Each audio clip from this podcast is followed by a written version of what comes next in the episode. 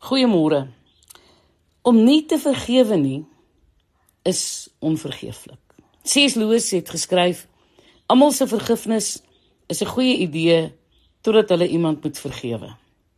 Sien vergifnis is soos geld. Ons wil dit ontvang, maar ons wil dit nie weggee nie. 'n Onvergeeflike sonde waarvan ons in Matteus 12:31 en 32 lees, is laster teen die Heilige Gees.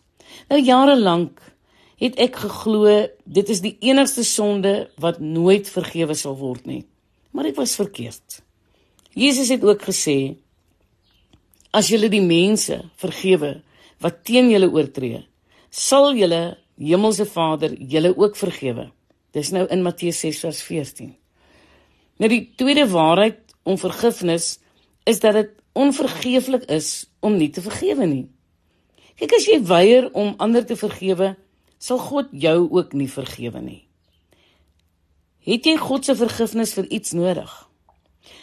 As jy 'n mens is, het jy beslis. Vergewe dan die mense wat jou sleg behandel het, wat jou verraai het, wat jou vervloek het, wat jou mishandel het, wat jou seer gemaak het, wat jou verwerp het, wat van jou gesteel het en wat ontrou aan jou was. Ons almal dra skuld wat ons nie kan betaal nie. Nadat Jesus vir Petrus hierdie wiskundige formule vir vergifnis gegee het, het hy sy punt met 'n gelykenis geïllustreer. Hy sê: "Om hierdie rede kan God se koningsheerskappy vergelyk word met 'n koning wat besluit het om na te gaan wat sy amptenare hom skuld." Ons lees daarvan in Matteus 18:23. Jy kan die hele gelykenis in Matteus 18 gaan lees, maar hier is 'n opsomming daarvan. Hierdie koning het seker 'n vergadering gehou met sy hoof van finansies. Of dalk was hy 'n baie slim man en het sommer self sy boekhouding gedoen. Nou terwyl hy deur die finansiële verslae blaai, besef hy 'n amptenaar skuld hom miljoene rande. Sommige vertalings gee die bedrag aan as 10000 talente. Nou volgens die geleerdes is dit gelykstaande aan miljoene rande vandag. Ek hou baie van wat vers 25 oor hierdie amptenaar sê. Hy kon dit nie bybring nie. Hy kon nie sy skuld betaal nie. Dit is baie duidelik. Niemand wat ek ken het miljoene rande wat sommer iewers rond lê nie. Maar die dieper betekenis hiervan is dat dit 'n direkte verwysing na ons sondeskuld is. Jesus is ons koning. Hy weet ons is diep in die skuld by hom. Hy weet ons het nog niks afbetaal nie. Hy weet hoe groot ons uitstaande skuld is. Wat doen die koning toe? Stuur hy 'n groep groot gespierde en gewapende manne om die amptenaar te vind, om na die paleis toe te sleep en om te dwing om sy skuld te betaal of anders? Wel, dit is amper wat gebeur het net sonder die skrikwekkende manne. Toe die amptenaar voor die koning verskyn, val hy op die grond neer en smeek hom om genade. Ek is jammer. Wees my asseblief genadig.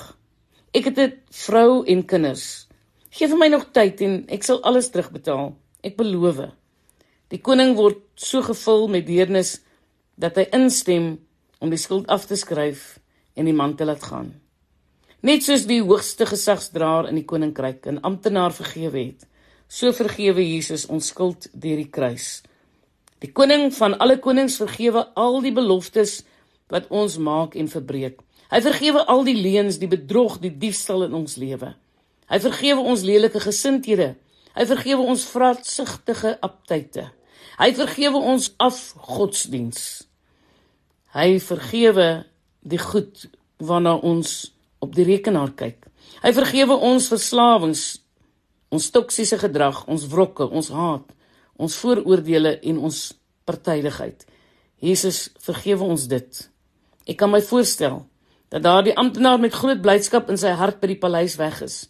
Ek sou immers oorstelp wees van blydskap. Sy lewe was skoon. Wie moet jy vergewe?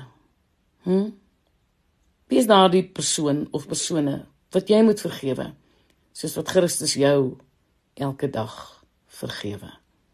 Ek is Lenet Beer vir Radio Kansel.